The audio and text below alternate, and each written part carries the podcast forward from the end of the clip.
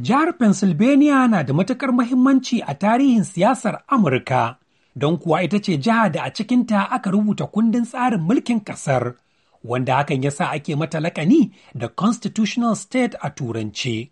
Birnin Philadelphia na jihar shi ne ya fara zama fadar gwamnatin, kamun daga baya aka koma Washington DC.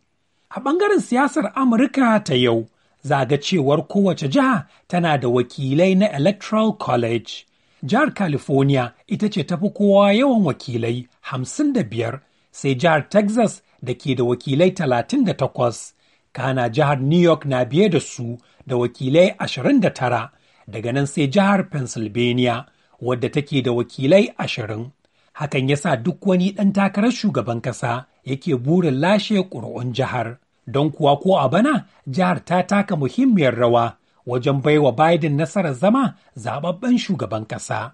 Don sanin irin mahimmancin da jihar take da shi a siyasar ƙasar, na zagaya inda na samu zantawa da wani mazauni jihar, Farfesa Gary Dean, wanda na tambaye shi wani irin tasiri jihar take da shi a siyasar ƙasar. Because of the large number of electoral votes, Pennsylvania was a big battleground. Saboda yawan wakilai da ake da su a jihar, shi yasa a wannan zaɓen jihar ta zama tunga tsakanin Trump da Biden.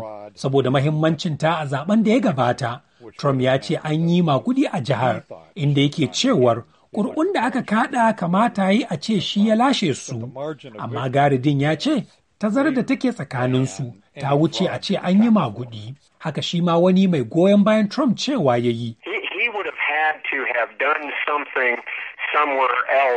Duk abin da ake faɗe a kansa ba gaskiya ba ne, ko cewar da aka yi ya tura magoya bayansa su je majalisar wakilai babu wani abu da ya kama da haka.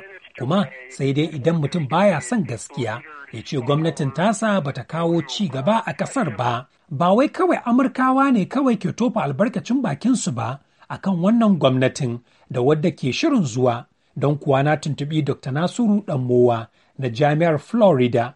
Shi ma ga abin da yake cewa. Abin da ya samu karbuwa musamman ga mutane waɗanda yake to wurare da aka bar ƙauyuka kenan. Shi ne wato ya nuna cewa shi ne zai zama mai neman musu 'yancin su musamman daga waɗanda kamfuna suka daina ƙere-ƙeren kayayyaki a daga ƙasar Amerika. Lokacin da yana mulki yawanci abubuwan da ya ce zai yi ya yi kamar irin su ya hana shigowar baki musamman daga ƙasashen musulmai da kuma ƙasashen latin america. Bangaren kuma ga sabon gwamnati za ta shigo ta biden abin da ake gani za ta zama kuma bayan duk abubuwan da shi gwamnatin trump din ta kawo. Idan allah ya kai mu a gobe ne da misalin ƙarfe goma sha biyu na rana agogon washington dc za a rantsar da joe biden a matsayin shugaban kasa da mataimakiyarsa mace ta farko kuma bakar fata a matsayin mataimakiya.